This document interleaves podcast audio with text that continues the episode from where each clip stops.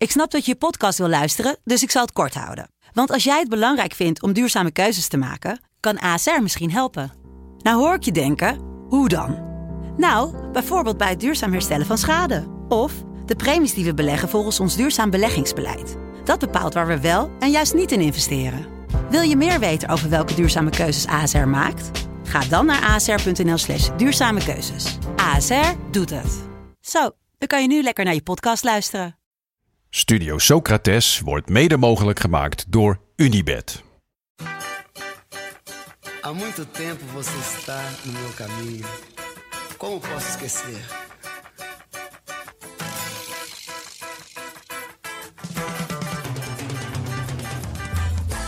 Welkom bij Studio Socrates, een podcast over alles wat voetbal mooi maakt. Met elke vrijdag een korte vooruitblik op het weekend. Onze kijk, lees en luistertips over al het moois in de wereld van voetbal. Maar eerst, zolang de Afrika Cup bezig is, een kort rondje langs de velden in Cameroen. Ja, de, kwart, de achtste finales, uh, die zitten erop. Egypte voorkust, 0-0. Ja, Egypte wint met pingels. En uh, ik zat die wedstrijd te kijken. Oerzaaie wedstrijd. en de commentator had dat al snel door. Want die zei letterlijk in de tiende minuut... Het is raar om dit nu al te zeggen, maar deze wedstrijd heeft een doelpunt nodig. nou, en dat gebeurde dus 120 minuten niet. dus dan weet je wel ongeveer wat voor een wedstrijd dat was. Ja. Uh, een paar flitsen van de klasse van Salah wel. Um, ik vond Sangaré best wel goed spelen. Heeft maar echt een mooi, echt een goed toernooi ja, hij heeft een heel goed toernooi.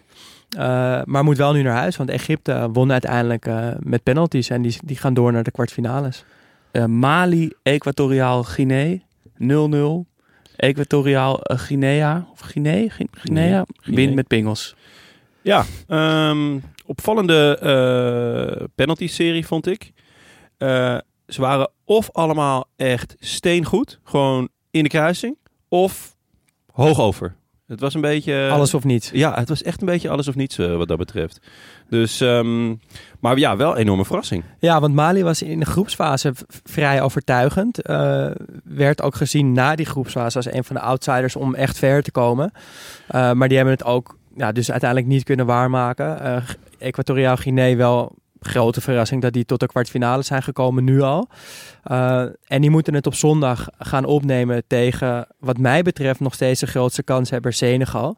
Spelen lelijk voetbal, maar winnen wel steeds. En ik denk dat die uh, de grootste kanshebber zijn uh, voor de eindzege. Spelen dus tegen Equatoriaal Guinea. Ook op zondag Egypte tegen Marokko. Heel lekker Pot, potje. Ja. Op zaterdag Gambia Cameroen. En Burkina Faso tegen Tunesië. Toch mijn team wat nog steeds in het toernooi actief is. Ja, ja, ja. ja er maar in. Ja, Tunesië. Ik lig eruit. Die focus is weg. Ha, ha, ha. Met, met mijn twee spelers die op de bank zitten. Dat dan weer wel. Negri en Kasri. Maar goed. Uh, ik wat... um, zet mijn geld op Cameroen. Gewoon ik... uit in de, in de hoop. Want het is toch de leukste ploeg tot nu toe. Dan uh, blijf ik uh, vanaf nu Marokko supporten. Lekker. Mooi. Goed, wat is er dan dit weekend uh, los van de Afrika Cup uh, mooi qua voetbal?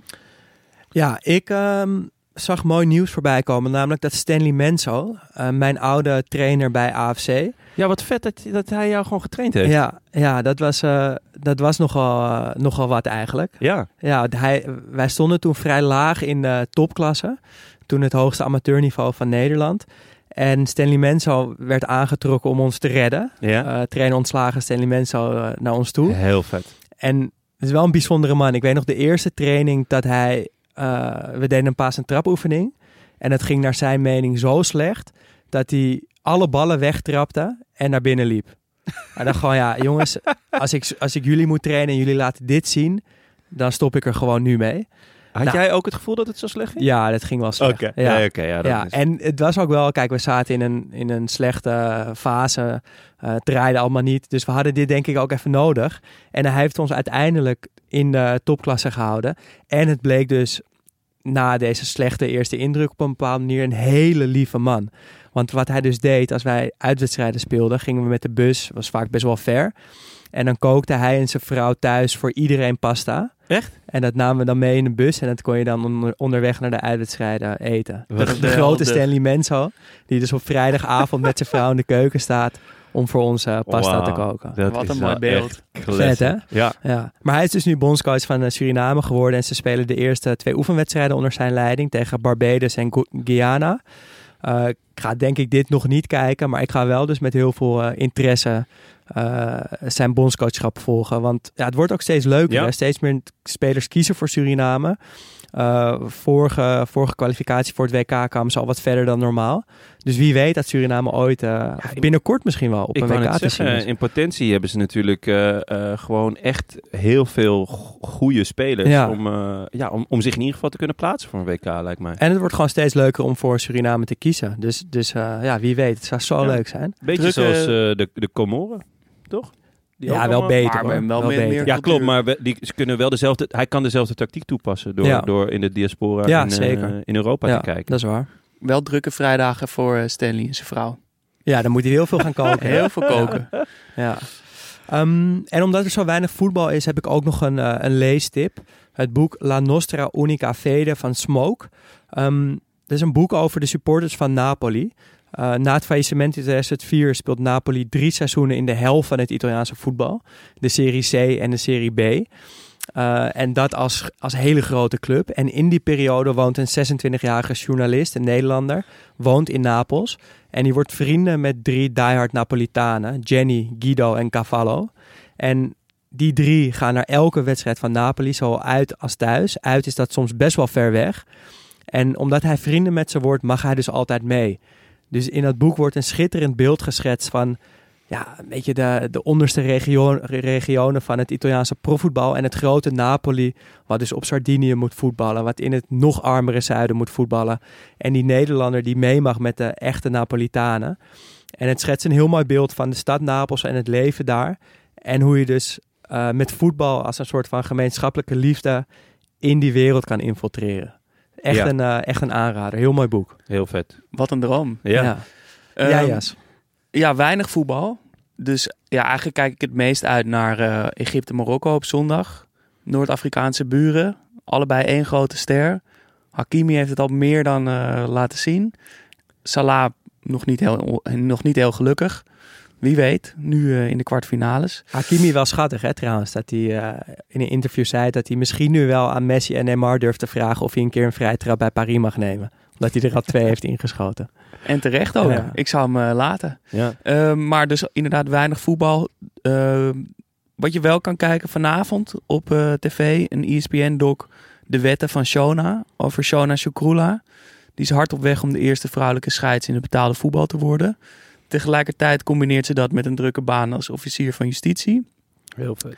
Ehm, en ze kwam veel in het nieuws vanwege haar relatie met de linksback van Emmen, Jeff Hardeveld.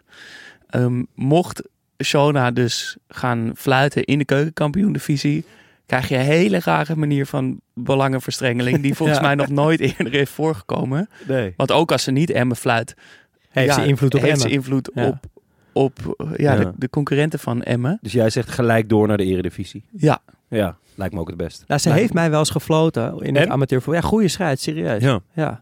Dus van mij mag ze ook in één keer door naar de Eredivisie. Ik heb, ik heb het idee dat ze ons ook wel eens heeft gefloten. Zou kunnen hoor. Ja. Ja. ze is Ja. gewoon in de Ja. laag begonnen en steeds een stapje hoger. Ja. En nu Ja. dus tegen het betaalde voetbal aan. mij heeft ze nog nooit eh, gefloten. Eh, ja, ik heb bij gebrek aan wedstrijden, dus oh, dit weekend eh, heb ik ook maar weer eens een boekentip eh, gedaan. En dat is een leuk tip voor jullie jongens. Oh. Hey. Ja, jullie hebben mij voor mijn verjaardag het boek gegeven, ehm voetbalshirts van David Ent. En ik, ik, ja, ik hou altijd wel van David Ent. Hij, eh, Ja, en van voetbalshirts. En van voetbalshirts, ja, dat enorm, dat zeker. En hij houdt ook enorm van voetbalshirts. Dus eh, hij heeft een, een boek gemaakt. Ten eerste een heel mooi boek. Het ziet er echt schitterend uit. Ehm, met een verhaal van ongeveer één pagina. En dan daarnaast het shirt. Op meerdere manieren eh, gefotografeerd. En dat kunnen oude wollen shirts van AC Milan zijn. Of van eh Ajax, de, de Griekse versie van Ajax. Wow, vet. Ja, waar Ajax ooit een keer tegen speelde. eh, vlak nadat ze de Europa Cup 2 wonnen, geloof ik, door een doelpunt van Johnny Rep. En eh, toen gingen ze met de C-ploeg. Dus ik moest ook nadenken van, hè, de C-ploeg, zijn dat dan de C'tjes? Maar nee, dat was gewoon het derde waarschijnlijk. Waar dan David N toevallig zelf ook actief in was. Maar alle Grieken die stonden daar te wachten op het grote Ajax dat zou komen. Maar eigenlijk, ja, kwamen zij dus.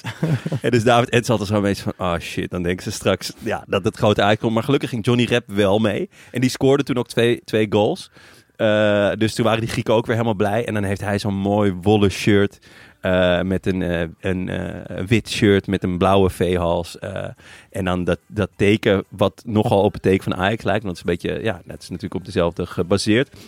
Dus echt mooie verhalen. Vaak uit de ik-persoon. Dat vind ik altijd wel bijzonder om te lezen. En ja, hij ik, ik wist dus ook niet dat hij eigenlijk zo ver was gekomen. Hij heeft het tot het, tot het hoogste belofte elftal, uh, tot het tweede eigenlijk geschopt bij Ajax. Um, en ja, hij, hij beschrijft het heel persoonlijk waarom die shirts hem dierbaar zijn. Naast het feit dat die shirts gewoon prachtig zijn. Dus uh, hij ligt bij mij op het toilet. En elke keer als ik er zit, jongens, dan denk ik even van jullie. Beste plek voor dat boek, hoor. Ja, denk ik ook. zeker. Ja. Want ja, daar staat hij gewoon. Eventjes één verhaaltje en, en genieten. Ja, heerlijk. Ja. En dan wil ik toch nog heel even terugkomen. Nog één laatste tip. Nederland-Servië natuurlijk. Hè? Ja. Vanavond, vrijdagavond, EK Voedsel. Uh, gaan we door naar de kwartfinales. Het kan nog steeds. En dat zou echt een daverende stunt zijn eigenlijk. En met fans. Weliswaar 1250. Geen 10.000 wat er oorspronkelijk in zou kunnen. Toch lekker. Maar omdat de maatregelen er een beetje af zijn, mag er wat publiek komen. Zit je er? Um, nee, nee, je moest opnieuw kaartjes kopen. Ai. En ik uh, viste achter het net. Ongelukkig. Ja, dus half negen voor de televisie. Uh, Nederland-Servië, EK Voedsel. Yes. Vond je het leuk? Luister dan ook naar onze reguliere afleveringen die elke woensdag uitkomen. De eerstvolgende gaat over passing en dus weer ook een beetje over de Afrika Cup. En word vriend van de show. Dat kan al vanaf 2,50 euro per maand en daarmee help je ons met het maken van deze podcast. Dankjewel. Cheers.